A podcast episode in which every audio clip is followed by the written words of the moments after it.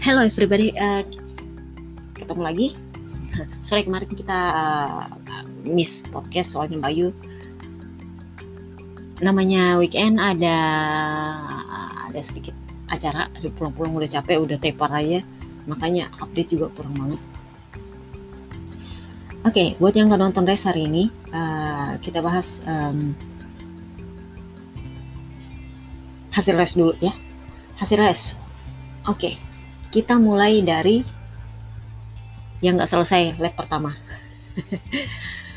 Itu dulu dong. Oke yang nggak selesai lap pertama ada Jack Miller dan Berbinder jadi ceritanya si Jack Miller diseruduk sama Berbinder di tikungan kedua apa ya? Ketiga. Kedua kayaknya. Diseruduk aja kayak gitu. Oh lap pertama ya? Iya diseruduk aja udah uh, si Brevino minta maaf dan Mila bilang ya udah nggak apa-apa. Santai aja mah dia. Kemudian nih di luar ekspektasi Taka Kinakagami ini digadang-gadang menang nih. Karena sepanjang race, uh, sepanjang weekend oh, dia mendominasi banget. Hari pertama hari kedua warm up tadi. Lah giliran race jatuh.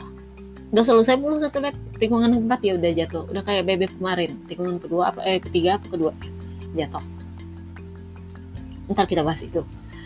Kemudian yang jatuh selama race. Ada Peko Bagnaya dengan uh, eh, 8 race tersisa. Kemudian Alex Marquez di 10 race tersisa eh 10 lap tersisa sorry. Alexis Spargaro jatuh di 3 lap tersisa.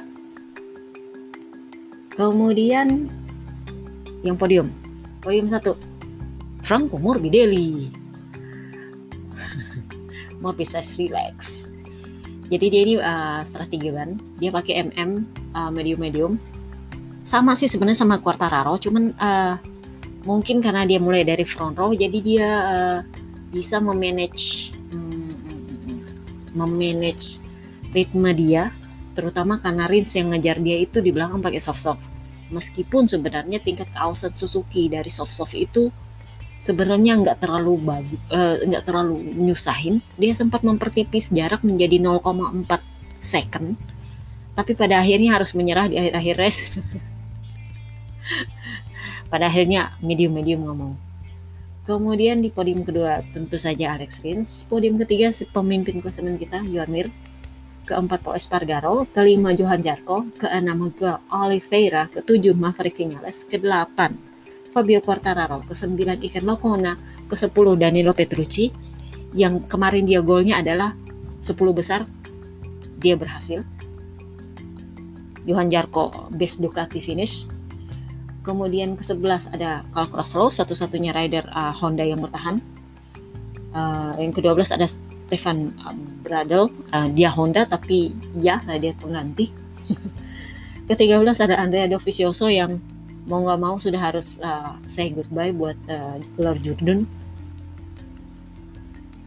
ke-14 ada Tito Rabat ke-15 ada Bradley Smith. Sudah itu aja yang finish hari ini. Kemudian kita bahas soal klasemen dari terwal GP ini selisih makin besar lumayan sih. Uh, Joan Mir memimpin dengan 137 poin, selisih 14 poin dari Quartararo dengan 123 poin. Di posisi 3 ada Maverick Vinales dengan uh, 118 poin, itu 19 poin selisihnya dengan Mir. Keempat ada Morbidelli, karena dia menang, uh, dia naik peringkat ke posisi 4, 112 poin, selisihnya pas 25 poin dari Joan Mir. Kelima, uh, Dovizioso turun 119 eh sorry 109 poin. Selisihnya 28 poin. Udah udah nggak bisa nih. Udah jauh banget sisa tiga sisa tiga race uh, susah buat buat buat mengharapkan keajaiban. Kemudian uh, keenam ada Alex Rin ketujuh ada uh, Takaki Nakagami yang DNF hari ini. Ke-8 Paul Espargaro, ke-9 Jack Miller, ke-10 Miguel Oliveira, ke-11 Danilo Petrucci, ke-12 ada Brad Binder, ke-13 ada Alex Marquez, ke-14 Johan Jarko, ke-15 Aing Bebek Valentino Rossi. Gua rada sedih kalau lihat uh, catatan race per race nih. 6 strip 6 strip itu bukan poin 0 tapi emang DNF ke-16 ada Peko ya hmm, sebenarnya agak ironis untuk uh, dia mau naik kelas ke tim pabrikan tapi uh, sama sekali nggak konsisten. Apa ya Mbak Yu bilang? Mau dibilang apa nggak juga sih? Apa sekali ya. Karena kan kemarin dia uh, uh, miss beberapa race karena cedera lutut plus uh, jatuh. Dan ini jatuh lagi. Dua kali jatuh ya kemudian uh, ke-17 ada Iker Lekona ke-18 ada Alex Espargaro. Ke-19 Karl Kraslow ke-20 Stefan Bradl. Ke-21 Bradley Smith. Ke-22 ada Tito Rabat ke-23 ada Michel Piro so kita yang bahas pertama Nakagami kenapa dia jatuh? Lebih kepada beban mental. Bukan karena dia uh, dia bu, uh,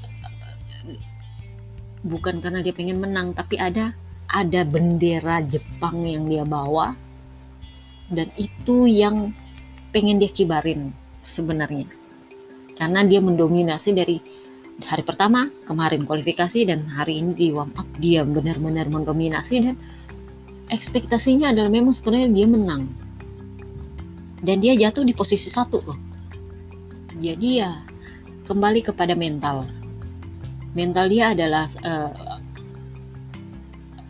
apa ya uh, beda sama rider yang udah biasa di depan memanage dengan rider yang dari belakang tiba-tiba nongol di depan dan uh, susah manage. Mir kan awal-awalnya kayak gitu dulu. Dari belakang cek cek sampai di depan biasanya dia apa entah dia mundur entah dia jatuh. Nah uh, lama-lama lama dia terbiasa terbiasa dan dia akhirnya bisa memanage mental dia. Itulah kenapa dia konsisten podium. Kemudian kita bahas Alex Marquez. Itu juga beban mental. Minggu lalu dia itu nggak ada beban mental. Jadi dia nothing tulus aja. Nah sekarang dia pengen tetap podium. Kenapa? Karena dia tahu Nakagami udah jatuh dan dia pengen banget tetap podium. Uh, mau menunjukkan bahwa nggak salah. Loh nggak salah loh dia di di di dipuja-puja oleh Honda. Meskipun pada akhirnya tetap juga kelempar ke LCR kemudian siapa lagi kita bahas ya? Dovi apa masalah ya? Dovi kan kalian tahu lah Ducati. Uh, tapi kenapa nggak ke Sarko? Uh, Mungkin karena Sarko tanpa beban, nggak tahu juga. Tapi mungkin juga ada riding style ngomong di situ. Dan karena uh, pakai GP19, probably I don't know too. Tapi jelas bukan ngomong soal ban. Ban mereka sama sama apesnya. sama apesnya karena itu kelihatan di P1 dan P2 kemarin eh, di hari pertama dan hari kedua kemarin kemudian uh, Nevina belum ada pernyataan tapi uh, Snake Taro ada bikin pernyataan ini setelah race. Dia bilang kayak gini uh, karena kemarin dia saywar sama Mir uh, sebenarnya sih bukan saywar. Uh, si Snake Taro ngomongnya sebenarnya kayak uh, dia ini rada kayak bebek santai aja gitu. Ngomong aja tapi nggak saywar juga. Santai ah ya nggak masalah sih. Kayak kayak gitu dan ini dia ngomong hal yang sama. Dia bilang uh, saya sebenarnya sudah agak optimis di warm up tadi dia bilang tadi pagi. Tapi pada saat race toh tidak ada yang bekerja. Saya tetap nggak kerja riding steel nggak kerja. Ban dia mau uh, dia ditanya apakah bannya yang salah gitu kan. Karena dia sebenarnya udah sebenarnya udah bagus sih strateginya medium medium tapi kok nggak bekerja? Iya mungkin nggak kerjanya ke dia tapi bukan salahnya dia kata dia. Dia nggak mungkin nyalahin ban karena teammate dia juga pakai medium medium dan menang malah. Jadi dia bilang uh, udahlah emang emang dia, dia cuma bilang udahlah udah apa saja udah kayak gitu aja. Santai aja dia bilang. Kita, kita natap aja race yang di Valencia. Kita udah memang saya kesulitan di Aragon ini dan saya nggak sabar ke Valencia. Karena uh, uh, apa ya dia bilang uh, karena yang penting adalah ini kejuaraan man, uh, kejuaraan ini siapa yang menang titel bukan soal siapa siapa siapa yang menang menang race per race. Dia, dia bilang gitu. Dia bilang saya tidak sabar untuk balapan di Valencia karena masih banyak ruang untuk memperbaiki kesalahan hari ini dan yang penting adalah menang jurdunnya. Dia bilang kayak gitu. Kita tertinggal uh, belasan poin 14 poin eh, memang tidak tidak sedikit tapi masih ada balapan tersisa. Jadi ya kita nggak tahu Valencia nanti apa pun bisa terjadi. Apakah Mir bisa tetap menang atau justru Mir duluan ke akhirnya kena apes juga jatuh atau kena apes bannya jelek dan Quartararo memimpin who knows tapi yang jelas Portimao akan jadi seri pamungkas di mana dua-duanya sama sekali nggak punya pengalaman untuk membalap di situ di kelas MotoGP. Oke, okay?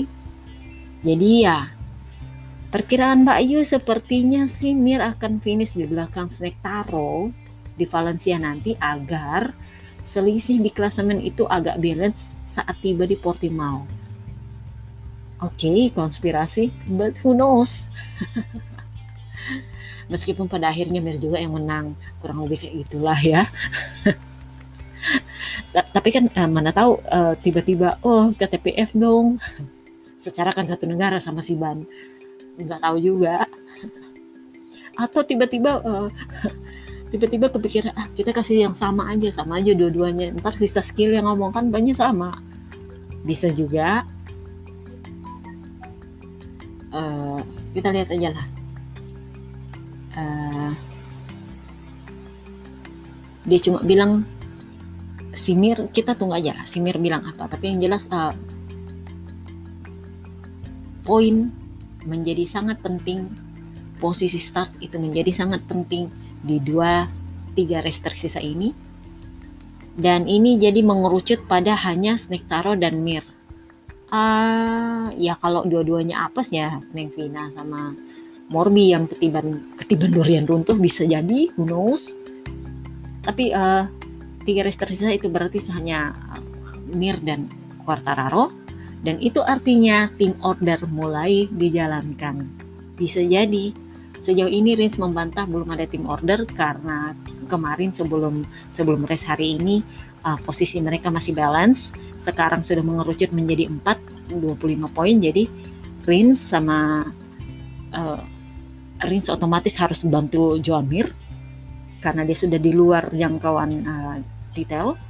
Sementara Snake Taro, Mbak Yu nggak tahu ini Neng Vina masih mau bantu apa nggak, tapi yang jelas Morbi mungkin bantu kali ya. Who juga. tapi Yamaha nggak pernah tim order sih itu masalahnya. Kalau Suzuki wajar tim order karena kapan lagi gitu Jordan Suzuki sama-sama KTPS pula. Jadi udahlah ya. Uh, Mbak Yu rasa memang uh, Suzuki akan jalankan tim order meskipun mereka nggak ngomong. Prince tahu posisi dia. Dia sudah bilang kemarin, saya nggak, uh, saya mau bantu uh, Mir kalau saya sudah nggak bisa bersaing untuk Jordan dan itu clear hari ini dia cuma bisa di peringkat 6 eh sorry di peringkat 5 dan well, sudah ada di luar ya, jangkauan gelar udah nggak udah nggak mungkin buat naik gelar otomatis dia harus bantu Mir demi nama tim, demi nama negara. Oke, okay? so apa yang kita bahas? Ayang bebek. Uh, kabar terakhirnya adalah dia sudah uh, sudah nggak ada gejala, uh, bisa dibilang fit. Uh, sisa tunggu tes tes PCR-nya harus negatif baru bisa lolos ke Valencia. Dan uh, Valencia lumayan agak ketat karena mereka uh, sudah lakukan lockdown per hari ini. Dan uh, tim juga sudah beberes langsung pergi semua ke Valencia. Kenapa? Karena Aragon sudah lockdown besok. Jadi nggak ada orang keluar masuk sudah. Jadi mereka harus keluar keluar malam ini langsung ke Valencia. Kurang lebihnya kayak gitu. Apalagi kita mau bahas uh, jadi lupa oh Mark Marcus jadi ceritanya uh, si Bradle kan kemarin bilang uh, ini kayaknya saya membalap sampai akhir musim deh. Kurang lebihnya dia bilang gitu. Terus eh konfirmasinya sih salah ngomong karena Honda membantah mati-matian. Kenapa? Karena Honda uh, ada marketing di situ ngomong, ada sponsor di situ, ada duit di situ ngomong. Dia nggak mungkin bilang rider andalan dia nggak bakal membalap semusim. Itu per, gue jadi ingat kemarin uh, gubernur DKI bilang PSBB diperketat tuh sampai crash jauh habis-habisan sahamnya habis. Mampus semua uh, yang pumulo pada lo semua. Padahal gue nyantai aja biar aja. Ujungnya kan naik lagi. Jadi itu sebenarnya cuma soal mental. Itu yang dijaga oleh uh, uh, Honda. Kenapa? Karena ini sudah akhir musim. Karena ini udah akhir musim dan uh, uh, mustahil buat bilang uh, sampai akhir musim gak muncul-muncul. Jangan. Jadi mending bilang uh, progresnya sesuai rencana dan gak ada yang perlu dikhawatirkan. Meskipun media Spanyol ngeluarin gosip bahwa uh, Marquez bakal jalani operasi ketiga. Kenapa? Karena uh,